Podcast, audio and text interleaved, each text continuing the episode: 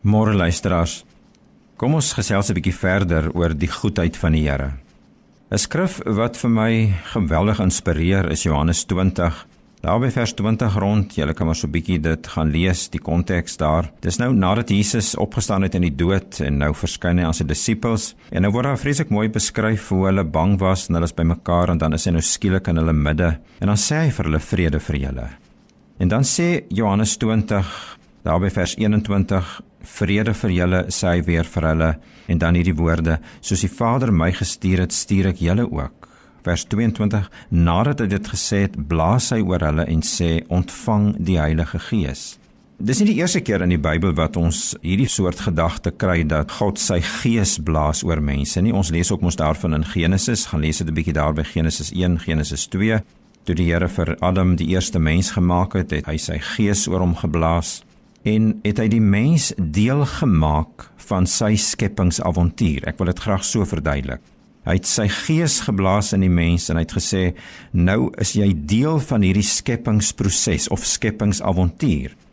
Gaan kyk 'n bietjie weer hoe mooi word dit daar verwoord. Dit is asof die Here sê ek gaan nou iets maak en jy het die reg en die geleentheid om name te gee hiervoor.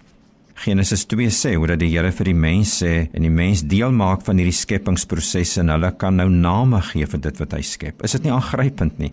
En toe verloor die mens hierdie reg, hierdie voorreg om deel te wees van die skepingsproses.